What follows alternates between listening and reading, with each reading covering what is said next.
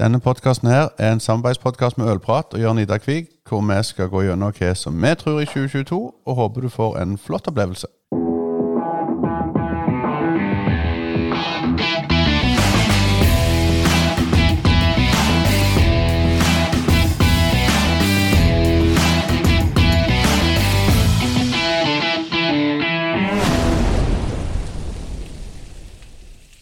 Da ønsker vi velkommen til det som egentlig er del to av eh, min prat med ølvertene. Altså de to menneskene i Øl-Norge som jeg kjenner som smiler mest, nemlig Øyvind Tveit og Mikael Tengesdal. Hei igjen, gutta.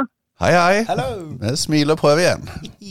ja, ja, vi gikk jo gjennom ølåret 2021, og vi kom vel fram til at uh, vi hadde vel ikke den beste treffsikkerheten, selv om det var gode samtaler.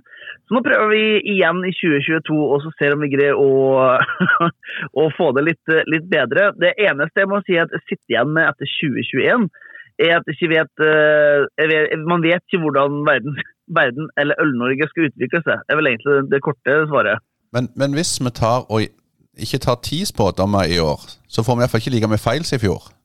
Så det er kanskje veien å gå.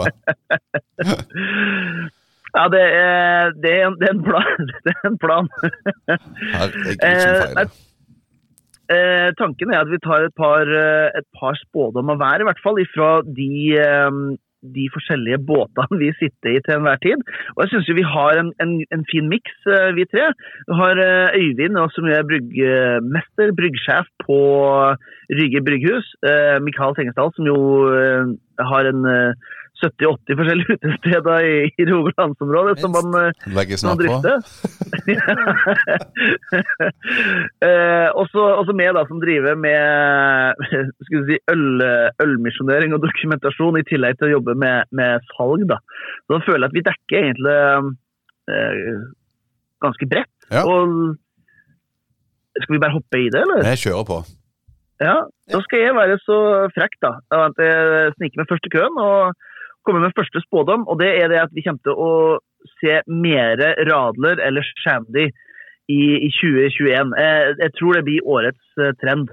Eh, Radler eller Shandy er jo de her eh, eh, blandingene mellom øl og, og brus. Jeg husker min første opplevelse med det var i en eh, et lite sted som heter Insel i, på, i nærheten av Alpene, på grensa til Østerrike i Tyskland. Og der husker jeg jeg kjøpte en øl. Da var jeg 17. Der har du lov til å kjøpe øl. Tenkte jeg, det var jævla bra. Da jeg kom etter å ha reist i ni timer. Så var jeg tørst. Eh, Det var kaldt og hadde lyst på en øl. Kjøpte en øl, kom tilbake til hotellrommet, åpna den, og så lurte jeg på hva i helsike det var for noe. Det var da en Radler. Så det var mitt første møte med det her eh, eh, greiene. Jeg var kjempeskuffa, selvfølgelig. Men eh, nå har jeg begynt å, å lære meg å kjenne og like denne, eh, denne drikken. Og ser hvor mye eh, spesielt Hansa Borg har solgt av sin grepefruktradler i, i år. Um, og vet jo og hvor bra de gjorde det med mangoipaen sin som de lanserte. Eh, så jeg spår at vi kommer til å få se mye mer radler, og så håper jeg at vi får litt sånne craft lagers i tillegg i 2022. Hva, hva tenker dere, dere to rundt det? Uh, først vil jeg gjerne si, når du forteller om den historien, som jeg bare spora fort av med en rask historie Vi var på guttetur, sju stykk til Spania, og spilte golf. Uh, og så på vei hjem fra festen så stakk vi innom den lokale butikken fant vi kjøpe med øl til nachspiel. Vi visste ikke at det var spanske lover og regler om øl, så vi fant en palle sto der. Vi tok med oss 72 øl. Tilbake til leiligheten og hadde nachspiel. Og når jeg våkna dagen etterpå og gikk eh, til frokostbordet, så ser jeg at der står det San Miguel 0,0. Så det er ikke løye at alle var i fin form, iallfall etter nachspielet. Så, så, så jeg har hatt en sånn liten sånn en. Men eh, tilbake til Radler. Jeg eh, har vel òg fått smakt litt av hvert i år. I, vi fortsetter i 2021, når vi iallfall tar opp den her. Eh, og jeg kan Jeg er spent på å se. Jeg er nok redd at det er de store igjen som kommer til å gå den veien. Jeg er usikker på om de små tør å gå den veien med tanke på vi er fortsatt i en pandemi, vi lager 4,7 til butikkene. Om dette er for eksperimentelt til å gjøre for småbryggeri. Men jeg hadde en opplevelse med Munkholm-radler. Det er jo en alkoholfri, da, vel å merke. Så var vel fullt i bringebær og litt eh, Men den var, var utrolig leskende. Og så har jeg smakt et par andre. Så jeg, jeg eh, jeg kan støtte opp litt om den, altså.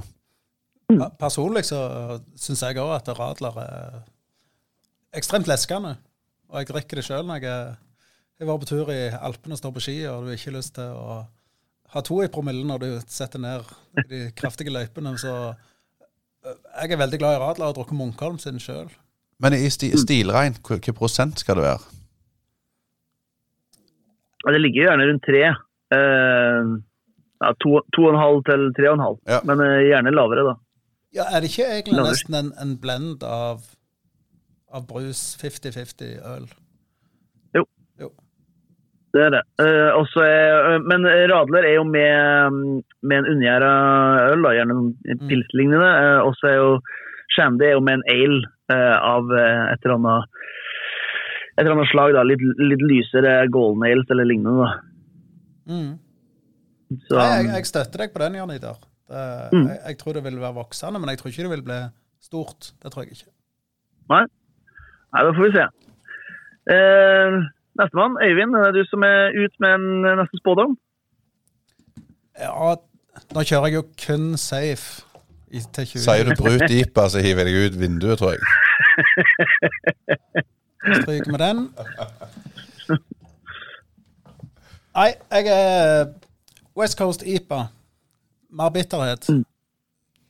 Kommer tilbake igjen. Gammelmanns-IPA blir nymanns-IPA. Nei, men jeg tror vestkysten og østkysten møtes på midten, på en måte. Jeg tror du vil få en litt høyere maltbase, eller en mer karamellaktig maltbase. Og du vil få bitterheten tilbake igjen. I tillegg så har du heisen der. Bare for å hjelpe lytterne våre litt. For jeg tror det er faktisk Ja, folk der ute som ikke er så bereiste. Hvis du skulle tatt en sånn en typisk norsk øl som er i den kategorien, har du en norsk øl du kunne relatert mot? Hvis du blander Larvik Tasty Juice med Two Captains, Ja, da har du den. Greit. Det sånn, for det, for jeg Det tror kan være det var litt nerdete, men Nei, for det, jeg tror mange av de siste års pubgåere vet mer er enn en type vestkyst-østkyst-type. Mm. Det var bare litt for å få det litt på, på kartet. jeg tror østkysten og vestkysten blir venner og møtes på midten. Og lager en bitter hazy med litt mer maltbase. Nå begynner jeg å synge at da. Øst og nord møtes, eller hva det var for noe i den sangen. Unnskyld. Det er godt dere har meg med, så jeg kan være alltid han som sporer med tull og vas. Det er sånn det skal være. Så kan det være eh, ja, men en brutversjon av den òg. Ja. Eh, ja, det blir sånn eh, Austin-style IPA. Det tror jeg ikke så mange har hørt om. Men det er jo, den, eh, det er jo en eh, stil eh, det, er, det er egentlig Texas, Texas-style IPA, da. Som er en sånn her eh, hazy, men bitter. Det er kanskje det, eh, kanskje det. Men jeg er enig i at eh, jeg håper jo det.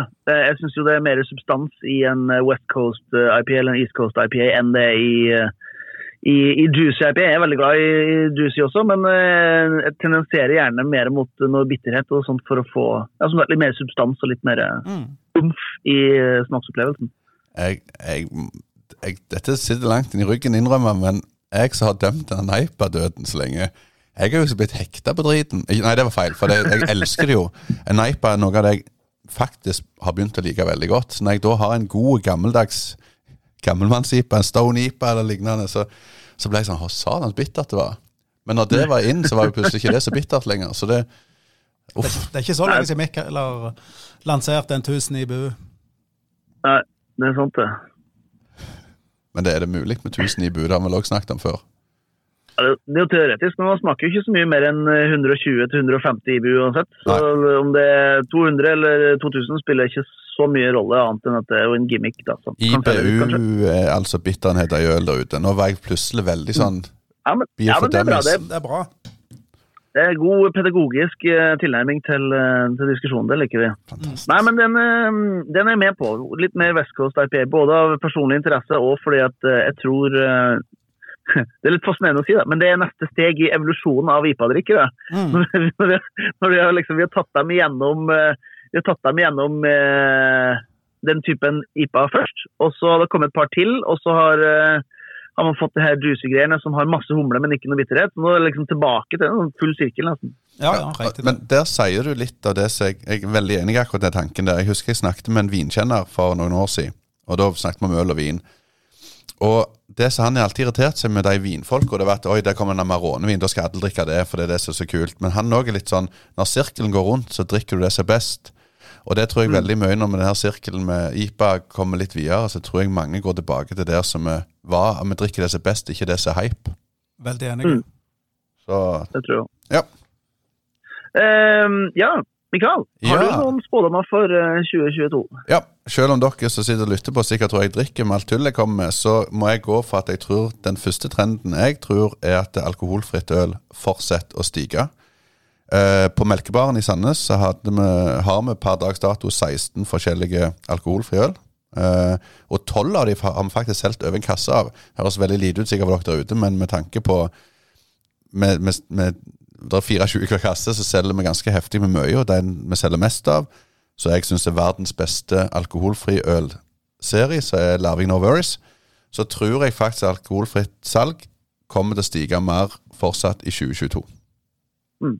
Og det er litt at det, det er herlig å kunne gå på en pub og kjøpe ei alkoholfri øl med farge i, uten at du trenger gnål og mas fra alle om at du drikker alkoholfritt. Iallfall for oss som jobber i bransjen, det er ganske herlig. Så jeg tror eh, alkoholfritt øl stiger fortsatt videre i 2022. Jeg støtter den. Mm. Det er en veldig Ja. økende trend i hele verden, egentlig. Det er ikke bare Norge. Det kom litt sent i gang. Jeg husker jo Bry- Bryggeriforeningen snakka om det for sånn åtte års tid siden. At nå var Portu, I Portugal så var det 40% av øldrikkere under 30 eller hva det var for noe som eh, valgte alkoholfritt istedenfor uh, øl med alkohol. Og så kom det liksom ikke noe særlig. Men de siste tre-fire årene så har vi jo fått et, et utvalg. Og man har gått fra at eh, alkoholfritt eh, øl var noe som man måtte ha fordi at eh, et utested kunne være så uheldig at de hadde en gjest som skulle kjøre eller som var gravid. så da Så måtte man ha det. Men nå har man jo alkoholfritt øl for å, og, velge det fordi at man faktisk har lyst til å drikke det. Og det um, Jeg drikker masse alkoholfritt. Ja. Men det er for at jeg liker smaken av øl. Men så ikke alltid alkohol er en god ting. Nei, og Vi som bor langt ute på landet, også, vi er veldig avhengige av bil.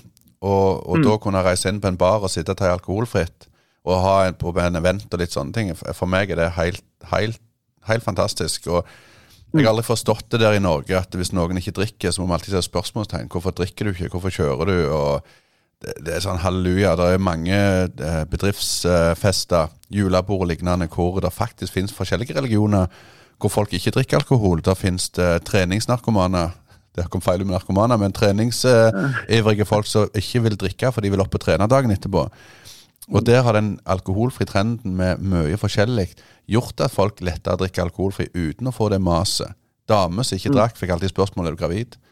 Så nei, den alkoholfrie trenden, og, og der skal jeg skryte av Larvik her fra opp til måneden per dags dato, er fantastisk flinke med No Worries-serien. Det er jeg veldig enig i. Det er noe som alltid står i mitt kjøleskap. Uh, no worries. Ja. Solid. Mer alkoholfritt. Den er vi eh, alle tre helt enige om. Mm.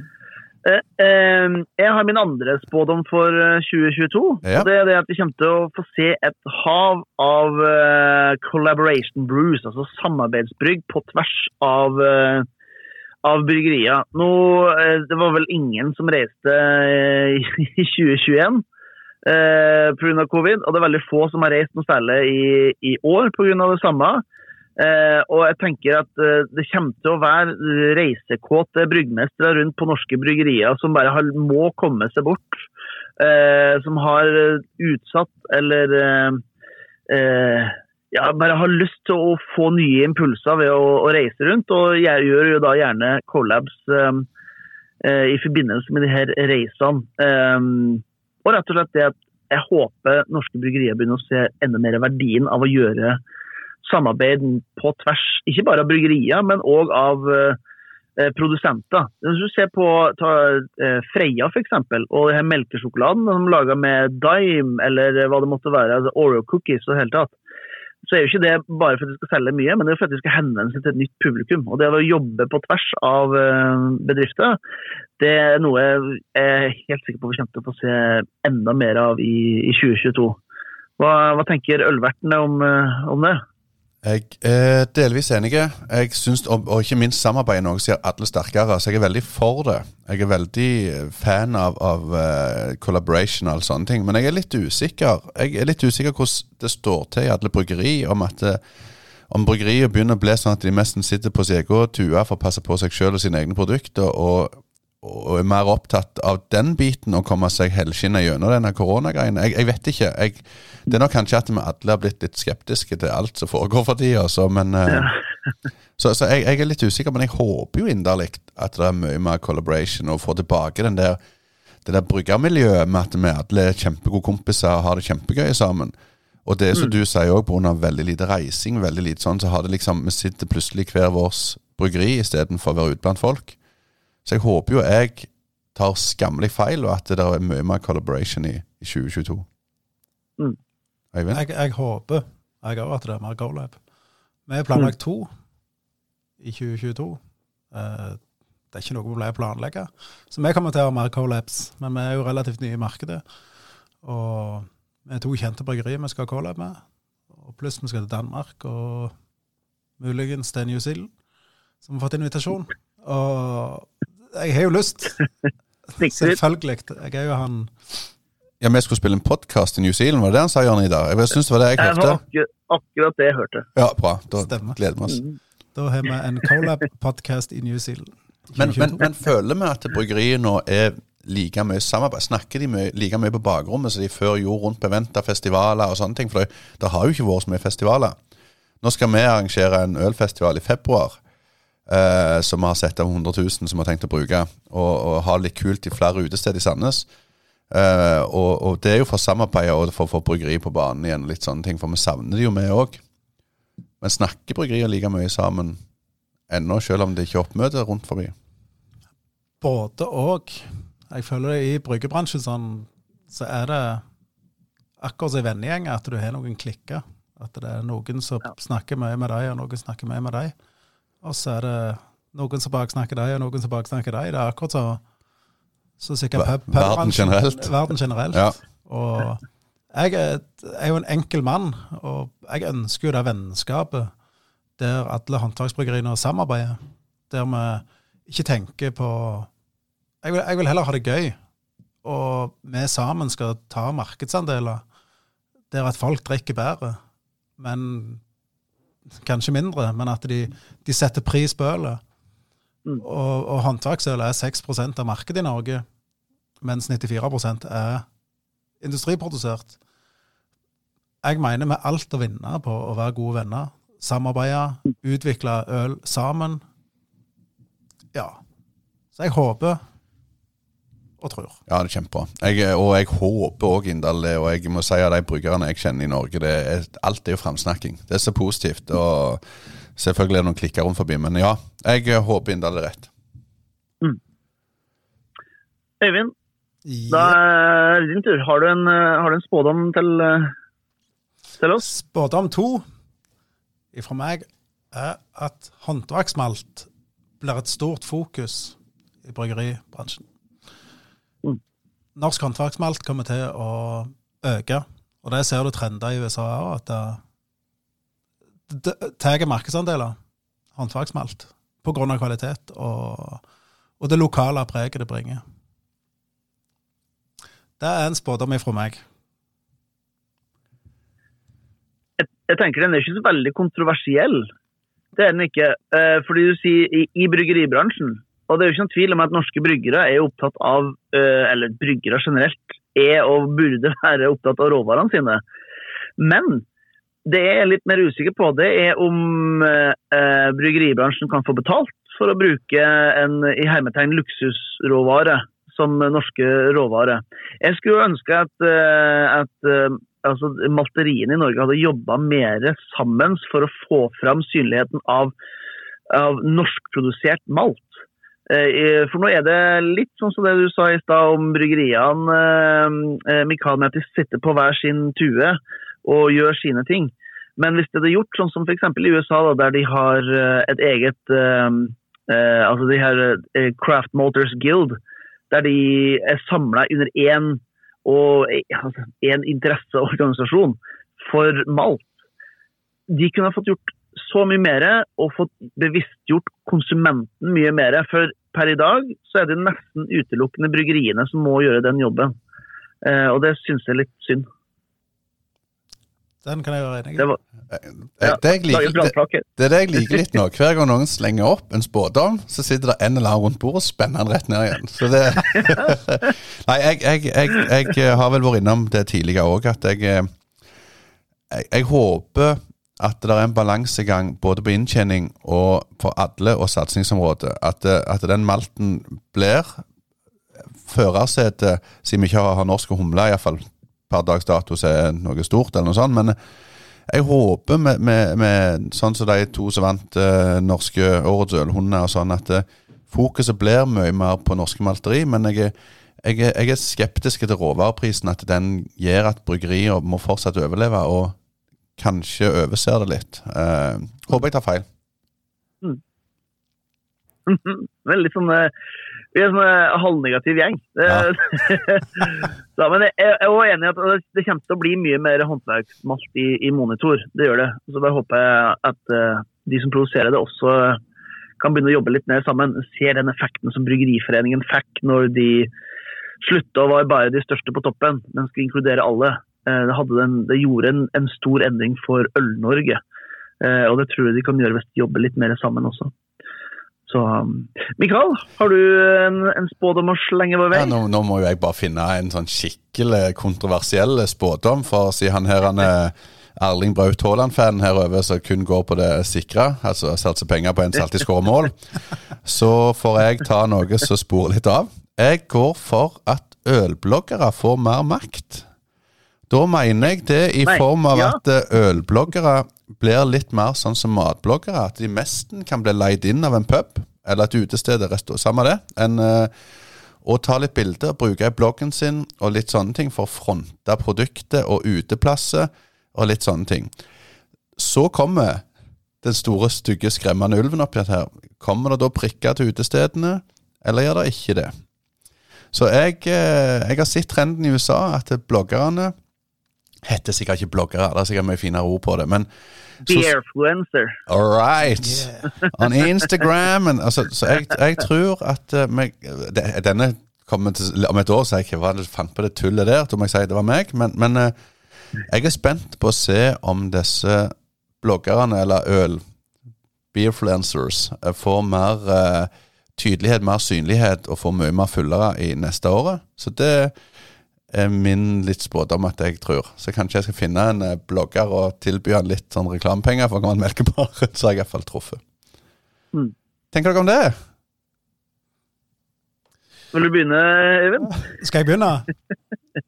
Ja, vi betaler jo alltid Jørn Ida ganske godt med penger når han skal legge ut noe om Ryger, så selvfølgelig. Nei, jeg bare tuller.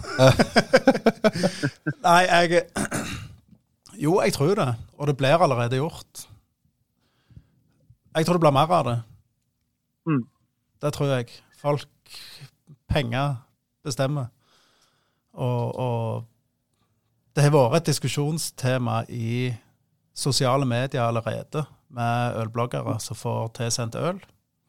Der faktisk ryker òg vært veldig til lyset og Nøgne og Ja. Jeg tror det blir Jeg tror du har rett i det, Mikael. skal vi kalle det en suksess hvis vi finner en, en norsk eh, beerfluencer, det var så tøft ord, eh, så har over 5 eller 10 000 følgere, så er det suksess? Hvis det ikke er det, så kan vi bare glemme det. Ja, ja, kanskje. Jeg vet ikke om man kan måle det som kvantitativt på den, eh, på den måten der, med hensyn til vi har de, de reguleringene vi har da. Um, jeg, jeg, håper jo, jeg håper jo jeg håper jo det, men det er jo ikke, jeg, skal, jeg skal ikke snakke så jævlig høyt, for det er jo- en del av, av det jeg har gjort de siste ti årene. Ja, det, det, det er det absolutt. Eh, Slegge i glasshus. Ja. Eh, Men det jeg håper det er at bryggeriene kan begynne å bruke folk med kunnskap. Utestedene kan begynne å bruke folk med kunnskap mer enn de gjør per i dag. For jeg, jeg vet hvor vanskelig det er å få tak i eh, Å bare få svar fra bryggerier om eh, produkter. Når, altså når, når man spør, da. Nå, eh, nå sitter jeg og, og skriver i Ølportalen, f.eks. Det er jo Norges største nettsted for, eh, for øl. Det er 12 000 mennesker som, som følger den, den sida på Facebook. Og når man spør om informasjon eller vareprøver til testing, eller hva det måtte være, så må man drive og mase. Altså det, er jo, det er jo hermetegn gratis reklame, og i en verden, i et land der man ikke kan gjøre noen ting, så burde det være det minste det minste man kan gjøre å, å, å gi tilbakemeldinger, komme med nyhet og den typen ting. Så jeg håper jo det at, at man kan bruke folk med ekspertise. Om det er Knut Albert, eh, som jo har blitt eh, trøndergeneral med den nye, nye, boka si, om det er Lasse Lukak som er, er så involvert som man er i, eh, i de, de, mer nølete miljøene også.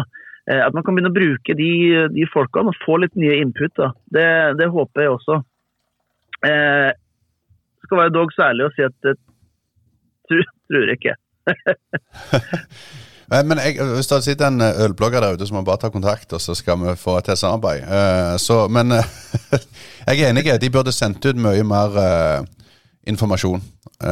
og så kan jeg gi en liten oppfordring til enkelte ja, både importører og bryggeri der ute så, så bruker untap og snakker drit om andre konkurrenter. Det er jeg heller ikke fan av. Så framsnakking, det er det jeg liker, og det er det jeg vil bruke ølbloggere til. Veldig enig. Ja, det, det, du, kan ikke, du, du, kan eh, bygge det største huset i byen ved enten å bygge det største huset i byen, eller du kan rive ned alle andre. Og eh, det sistnevnte er ikke en eh, vinnende strategi, tror jeg. Nei. Så, eh, så skal jeg komme med en litt sånn halvkontroversiell eh, spådom for, for, neste år. Og det er at det kommer til å, å få se flere sånn crowdfunding, folkeinvest-prosjekter i 2022. Eh, og det tror jeg vel eh, titulerer Telemark Bryggeri eh, for, å, for, å, ha satt i gang tankene hos mange. Eh, Telemarksbryggeriet henta inn 8 millioner kroner gjennom Folke, Folkeinvest. Eh, I tillegg så har du bryggerier som Stolt, eh, firma som EA. Eh, lokalbrygg henta via Folkeinvest et par millioner. Eh, bryggeriutsalget Eh, nå er det også Ekeby gårdsbryggeri som eh, kommer med en denne uka her, eller neste uke, eller når det er. Eh, det er forhåndsmeldt at eh, Hva er det de kaller det? Tom, tomak? Eh, de Gulatingbutikkene som er i Trøndelag og oppover mot, mot Helgelandskysten, de kommer også til å komme dit. og Grunnen til at de fungerer bra, er fordi at hvis man investerer gjennom Folkeinvest, så er de aller fleste prosjektene som legges ut der, sånn, de er teoretiske. Altså De trenger penger for å starte noe. Mens vi i ølbransjen vi er, så, vi er så dumme at vi starter noe, og så kommer vi på at vi trenger noe penger. Eh, for at man skal ekspandere nytt utstyr, eller bare for at det, ble mer kostnadsfullt enn man trodde. Så, så er Folkeinvest en, eh, en, god måte å hente ambassadører inn til eh, det merkevaren man, man har. Man får en direktekanal inn, inn der, og så eh, hente inn litt, litt, penger og litt eierskap fra, fra kunder. Så jeg, jeg, tror vi kommer til å få se enda flere av de i, til neste år. Jeg kan ikke huske at det var noen i 2019 eller 2018, det kan hende det var én eller to men eh, nå har det også vært mange i, eh, i år, altså et par i fjor. Så jeg, jeg, tror det er noe som har kommet for å, for å bli. Det, det bare se på det her eh, Hva er det det heter, det her programmet som eh, Brewdog har? Eh, på akkurat her. De har jo henta inn en milliard, eller hva det er for noe. Helt ja, sinnssyke mengder. Um, så jeg, jeg, tror vi kommer til å få se mer av det også i lille Norge. Men, men for sånne enkle sjeler som meg, Eh, og kanskje noen andre lyttere òg, hva, får de som spytter pengene, tilbake igjen? De som spytter inn penger i Folkeinvest, hva får de tilbake igjen?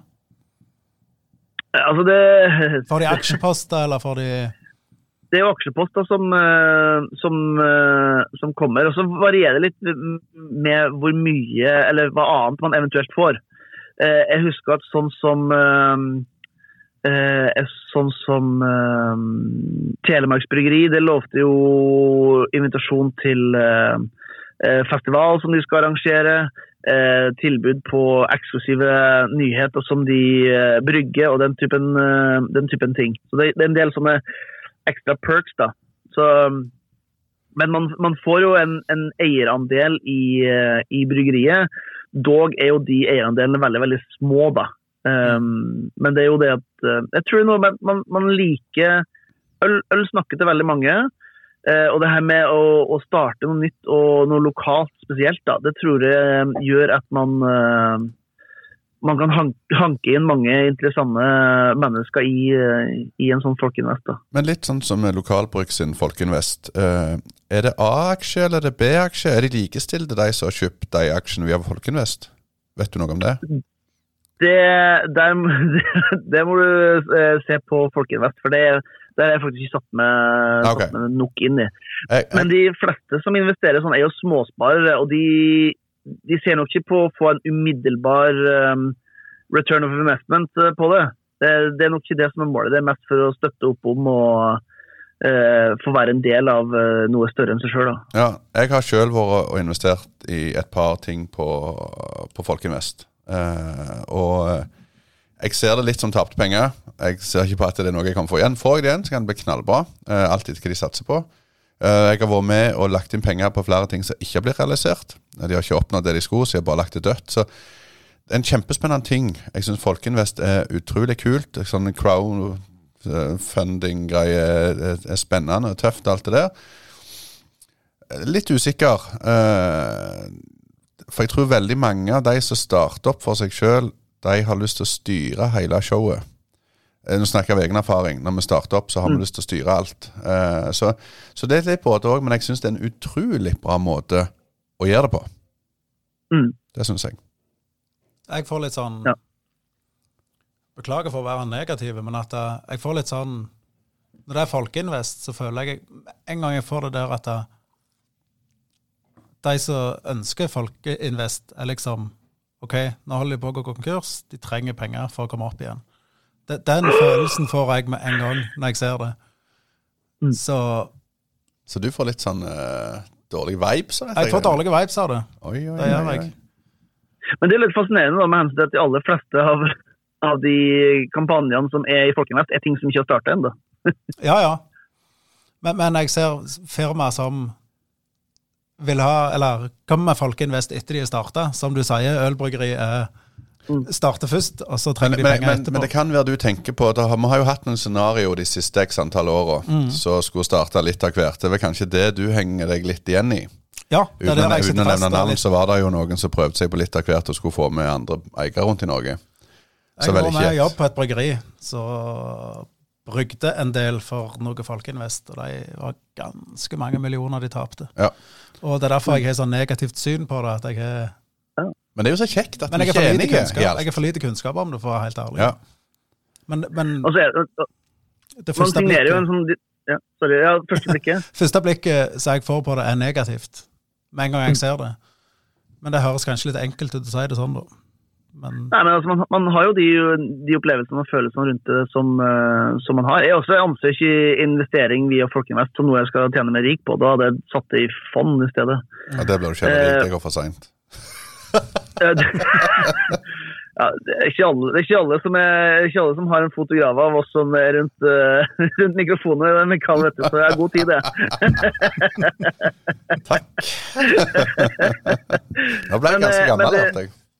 Ja, men, eh, men de, de, de, ber jo om at det signeres en sånn her disclaimer om at man må være klar over at pengene kan være tatt og sånt når man investerer i, gjennom Folkinvest. Så ja. Det er, mitt men, råd, det er mitt råd til alle. Går du på børs, om du går på fond eller hva du enn gjør, se pengene som tapt. Har du ikke råd til å tape dem, så ikke gå inn med dem.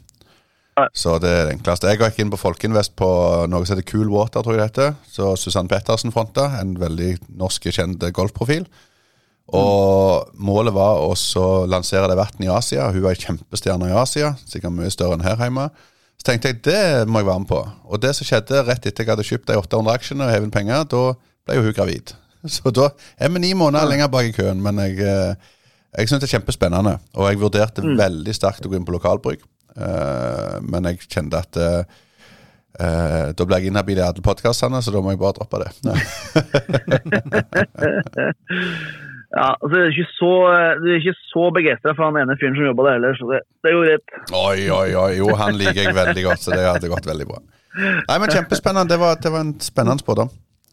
Ja. Um, Eivind, har du noen flere spådommer for uh, neste år? Ja, det har jeg. Ja. Jeg kjører safe som vanlig. Nei, Det er noe mhm. jeg har brukt mye tid på i det siste. Det er noe som interesserer meg. Og vi snakket om det før òg. Jeg mener at håndverksøl eller kraftøl vil ta større markedsandeler i Norge. Altså de vil gå ifra skal ikke jeg si tallet er sikre, men det er 6% av øl som blir solgt i Norge, er håndverksøl. Og jeg tror det vil øke betraktelig i 2022. Da snakker du opp til 8 det, og, det er ganske, og det er ganske mye. Kanskje, hvis vi er heldige, 7 Ja. Og jeg tror dette er noe som kommer til å øke år etter år etter år. etter år. Og det, det gjelder egentlig hele verden. USA så er 25 år foran Norge. Siste tallene jeg så, er at 23,9 markedsandel er kraftøl i USA. Mm. Det er 6% i Norge. Jeg tror det er Vi vil se økning i 2022. Kanskje det er en ønsketenkning fra min side, men sånn så jeg ser på alt av grafer og statistikker, og det er noe jeg virkelig har brukt mye tid på å finne ut av. Og annet Asia har en ekstreme vekst, og spådd en ekstreme vekst på håndverksøl. Mm. Jeg, jeg, jeg, kan si meg enig i den. Jeg tror det, og ikke minst håper det. Men er det noen som har tall om hvordan vinsalget har gått de siste fem åra? Går det nedover, eller holder det seg jevnt eller går oppover? For jeg tror at øldrikkere tar mer av vinmarket. Så jeg, altså, jeg, nå kan jeg langt ute og kjøre, men jeg tror det kan gå litt hånd i hanske. At folk går litt mer fra, øl, nei, fra vin over til øl. Og, og sikkert går tilbake igjen, altså. Men jeg òg tror vi stiger litt. For jeg tror Jeg ser på mine venner som holdt på å le seg i hjel av meg for fem til ti år siden jeg kom med spesialøl, så nå drikker det samme sjøl. Så jeg, jeg, folk liker, som vi har snakket om hele tida, de liker håndverk, de liker lokalt, de liker smaker. Så jeg kan være enig i at vi stiger stein på stein. Mm. Jeg tenkte vi skulle være kjapp her og få fram salgstallene fra Vinmonopolet. De ligger jo, um, ja, de ligger jo åpen. For du er mann, du klarer ikke snakke mens du søker? Jeg kan si, Nei, jo, jeg gjør Under koronatida, kan jeg bare si. Dette er tall fra Dagens Næringsliv, så jeg vet ikke hvor reelle de er. Men under koronatida så hadde Vinmonopolet en økning på 47,9% Altså 48% økning. Det er ganske heftig. Og det merker vi på salget inn mot Vinmonopolet. Nå når pubene fram til i går Eller nå er vi jo litt stengt ned igjen, men at ja. du ser at salget er lavere på Vinmonopolet nå kontra for et år siden. Ja, ja det, det, er ganske naturlig. Hvis det er noen fra Vinmonopolet som hører her, så får de ta og skjerpe seg, for ingen av linkene på salgstallene funka. Eh, de, bruker, eh, de bruker SharePoint som Google-løsning, og det har de kukka det til. Da er spådommen min at Vinmonopolet blir bedre i år. men eh, generelt så hadde det eh, vært en, en salgsøkning på, på Vinmonopolet. Men i 2020 kan man ikke regne med, eller i år kan man ikke regne med, for at det er så off normal. Ja.